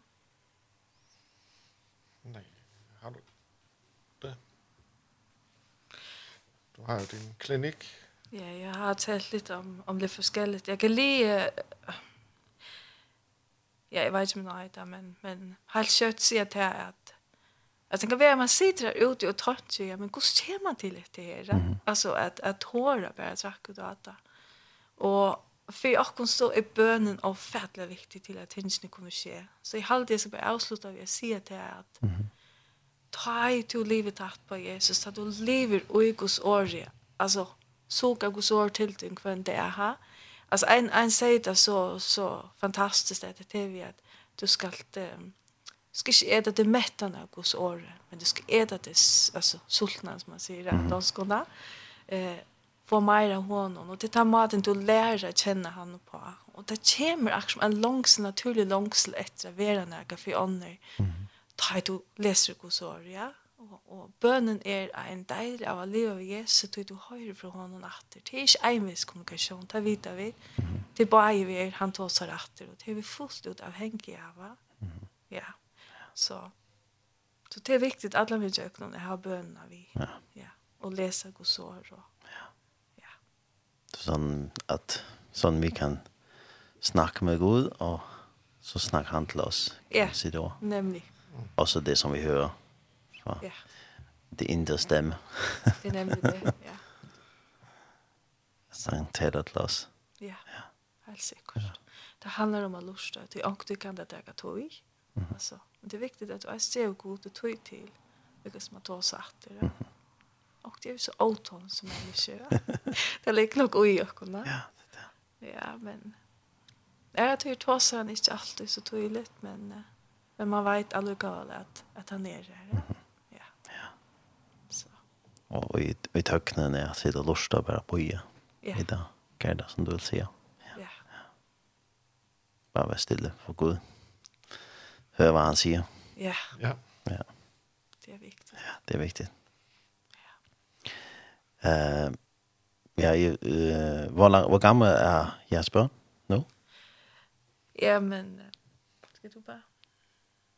Um, jamen, vi har Rebecca, der er 26. Mm -hmm. uh, og så har vi en Miriam, der er lige blevet 19. Mm -hmm. Og så har vi en Rebecca, der er 15. Okay. Ja. Rebecca, der er 15, hun har lige startet på efterskole på Alterna. Ja. Mm -hmm. Og Miriam, hun, uh, hun læser til socioassistent sammen med en HF i 1.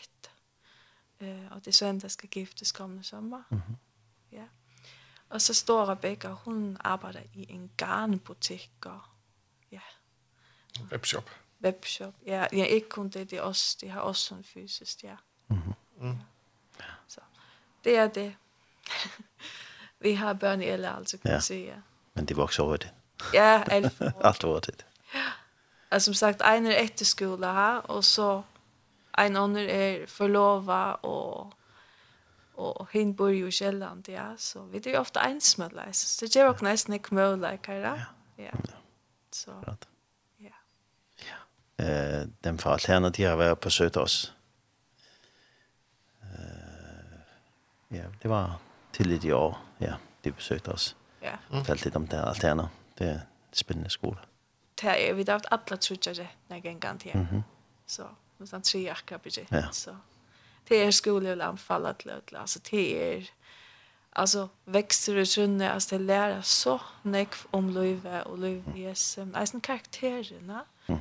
Ehm och att det är vi att en mission alltså lära komma ut och söka något Anna och i minst första för den äldsta jentan då för ut hon för Afrika. Alltså hon var sista sam hon kom att hon är hotlet jag ödbötten här vi. Och sen nämligen mamma er så tacksam för allt. Jag är tacksam för allt du vet hon. Och var helt annorlunda som kom att det. Då sa tack, alltså tacka er för allt. Mm. Du vet, när jag ser så ringer om stövera. Mm. Ja. Så det är helt säkert något som är gott med dig. Kom ut. Och det bonas näkt att jag släppa vara bort från hemma. Helt säkert. Helt säkert. Ja. Det lär ansvar på en helt annan måte. Helt annan måte, ja. Ja. Och det är det ett skulle jag kunna göra. Ja. Ja. Helt sikkert. Man får nye børn hjem igen. Ja. Man får nye børn hjem igen, ja. så de tar fatt i det hele hjem. næsten. Ej, næsten. ikke altid. Ikke altid. Men man skal lige spørge. ja. Men de kan godt. Jeg har, jeg har aldrig tøjt, at da jeg kommer hjem, så har dem har jeg brugt for at slappe af. Det er så trøjt, at det er ikke så godt, at jeg har slappe af. Ja, det er det. Det er det.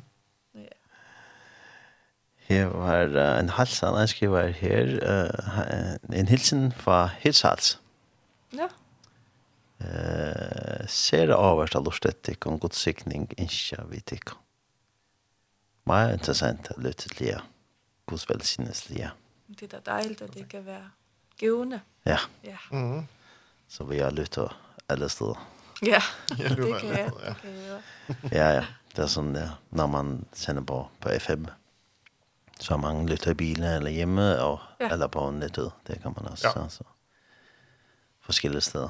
Ja. Så men det er fantastisk at høre, hvad, hvad Gud har gjort, og han har været trofast i jeres liv, og han er også trofast til alle, som spørger ham. Ja. Man skal spørge mm. ham ja. om hjælp, så spørger ham om at komme i sit liv, og ja. blive en, en del af vores liv, så, så vil han ja. gerne han gentleman. Det er han er en gentleman. Ja. Han sier ikke, jeg skal. Nei. Kan jeg? Kan han jeg slippe? Han vil, men vi tar oss samtidig som fru han vil. Ja, ja. akkurat det, ja. Ja. Fantastisk. Ja, men uh, er det noe annet som ditt vi sier seg? Nei, jeg tror ikke vidt jeg kommer lengt til. At det var som ting. ja, men det er fantastisk å hørst. Det er ikke greier for å gå ut og. Ja og at han er den samme i det. Ja, amen. Amen. Ja, men så tror jeg vi skal uh, slutte med den siste sangen. Ja. Ta vi sned vi Casting Crowns, Good Good Father. Mm -hmm. Og det er han jo. Ja. Ja. Så. Ja, men så sier tusen takk for at du vil komme her og vidtja i. Ja så Tack. Det er också. Det är vi som säger tack. Ja. Tack för att du vill dela sin tur hur att goda görs till alla och kom dela när vi andra att andra kan få sikningar och att du gick oss hur så trofast och hur så god kan vara sikna en kvann som säger att land. Tack för det och man kan ta sikna det kan. Danmark og i tjenesten som det drøy. Ja, og lykke med det. Ja, takk for det. Og, og at uh, og signa teknisk som familie vøttene og tar fram til høstene. Ja. ja. Takk for. Ja, så får jeg da lort etter uh, Casting Crowns. Good, good, Father. Musik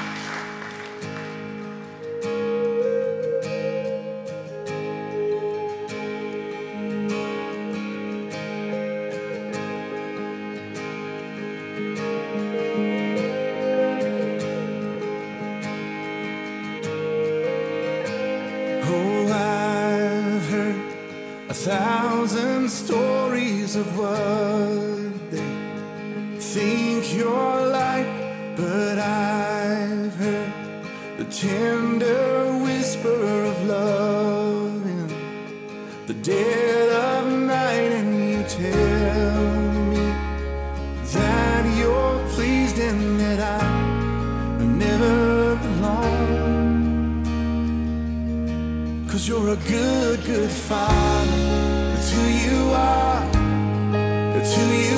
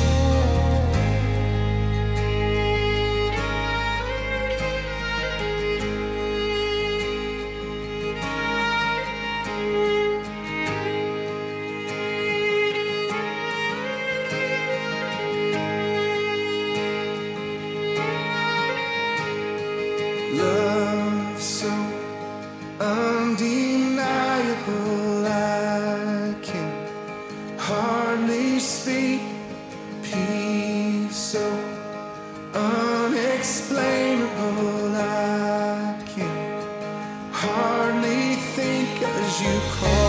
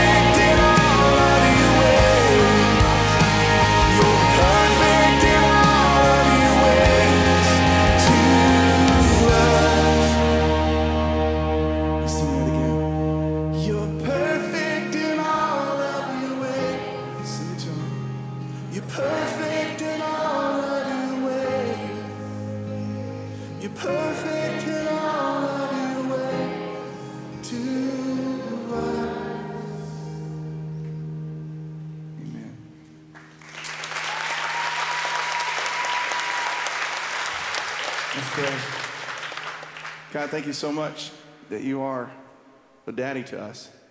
So much of our, our time as believers, uh, we can get lost in thinking that you are just a book that we read. You're, you're a goal that we're trying to reach. You're a, a place that we go to once a week. You're a lifestyle. You're some sort of worldview.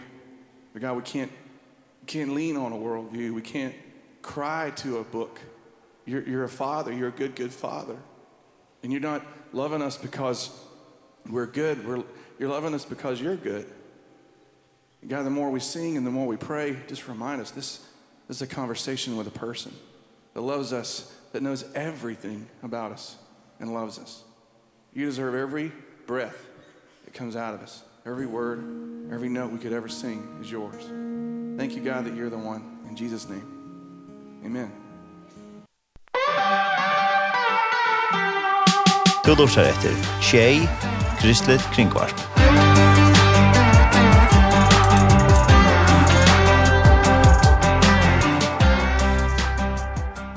Det var Good Good Father, vi tar til Casting Crowns, sin kjer. Og vi tar så kommet til endan av morgensetningen i dag. Og vi har haft vidtjen av Børst og Nyborg Hansen og Klaus Jansen. Og de har greit synder om hvordan god er vi trofast i ta løyve, og hva god er vi gjørst i ta løyve, og de er bosettende i Danmark, og best hun er oppvaksen i Førjon, og så bor vi i Danmark ja, 20 år, og det bygger vi tarm i Danmark. Og her var trudjar døtre. Henta sendingen vil enda sendt i kvöld klokkan tjei, og i natt klokkan fem, og så er det nøysen lagt heima sinne tjokken tjei.fo her til kunne høyra Send ikke noe matters, dit uh, ikke finner alt vi sender ikke i det. Vi får enda sender ikke i det vi en sanje, og en nødgjøn sanje som er kommet ut, og til en sanje som uh, uh, Øsser Berghammer hever kjørst, og til bare lærkene som synger, og sangerne er det lei til til grønne, lø, uh, grønne fløter. Grønne fløter Og her sin til skriv om Sanjen, at det var 12. august at dette leie kom ut. Kjøse Bergammer. Og heter en verskatland som Tøvnar, vi har Magnus Gundrim stendet fire. Og Øsser hever skrivet en Rikva Sankon, som er det mest nytter i Sankomøpet, og en større parster er ikke utgiven. Øsser uh, fors år her fire, og hever man i langre tog tås om en tribut utgave i hans Sankon, en fagnar utgave heter så ta første lege som eh er kommet ut. Det som ikke kjenner Øssur, så hever han virka i Danmark i mer enn halva ølt, på i Kristianstova, og så vidt han det medlemføringer av sjukrøren i København. I 2018 ble han så kåsen årsens føringer. Og året som sagt, og Øse Bergamar, og sanker til Bara Læsjene, og Kjør, Tassinja Jan Magnus, Jodi Andersen, Karina Justinsen, Margreta Høygaard Poulsen, og trommerspiller Josfa Debes, og Bass spiller Torleik Morsensen, og andre ljåføre er det Hans Poulsen, og han er så æsne, eh, framleit. Det er leie, det er opptidje i Introvers studio. Ljøblanda over Ole Poulsen.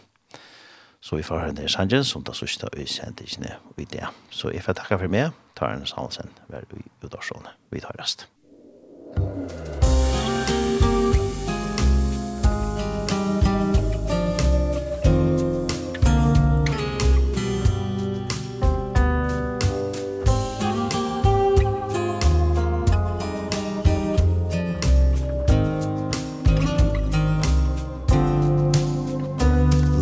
ti Her grøn og fløtter. Her mun sjal kan kvila seg. Sida trygt vi tuinar føtter. Høyra at du elskar meg. Her er fri ur her er skuile Ta ui ödner herja av. Mangan salen mun fam kvulu Ta i anli tut Hon sa Lai me til ter grøn og fløtur Luga satur salen mø Duidar er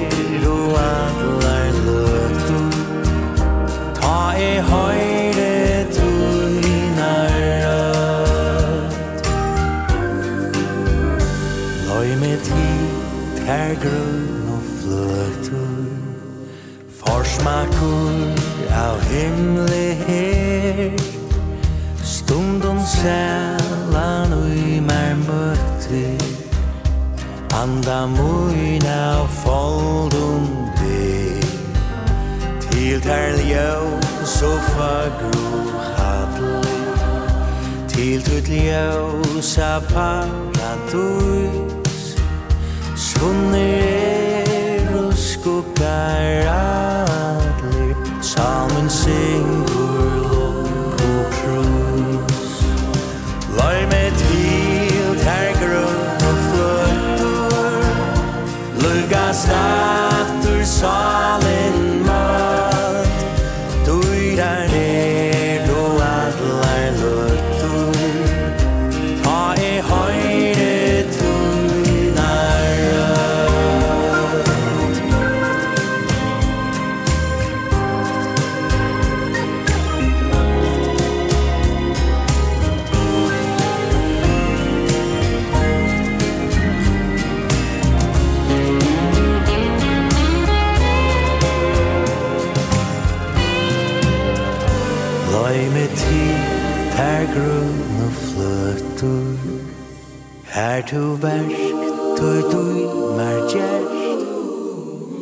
Samen hevur sunar røtur Best i her og tui tu er. Men tu vannst tær og dea Ta i druiva kan fra tær. Er lor